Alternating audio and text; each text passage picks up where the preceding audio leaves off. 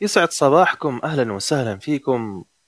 معكم السعيد فادي وننطلق على بركة الله في هذا اليوم نتكلم عن نفس القانون المساحة الداخلية من قوانين تبسيط الداخل وهو القانون الأول.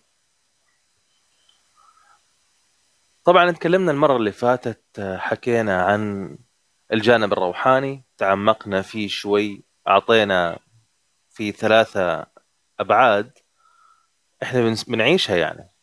الأكل والشرب والنفس. التنفس من الهواء استنشاق الهواء والشرب نفس الشيء برضو.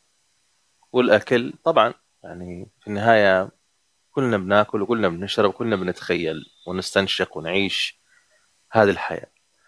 ولكن بالنسبة للجانب الروحاني فلها إحساس وطابع وأسلوب في توفير دائما بشكل يومي حياة فيها مساحة داخلية بلا حدود. هذا الكلام إحنا ذكرناه في الجانب الروحاني. إذا ما سمعته أو ما كان عندك الفرصة ولكن ممكن اليوم ارجع تاني للمقاطع الصوتية اللي قبل هذا المقطع الصوتي. حتلاقيها موجودة. مستعدين نكمل الجانب النفسي؟ يلا بينا. مع المساحة الداخلية.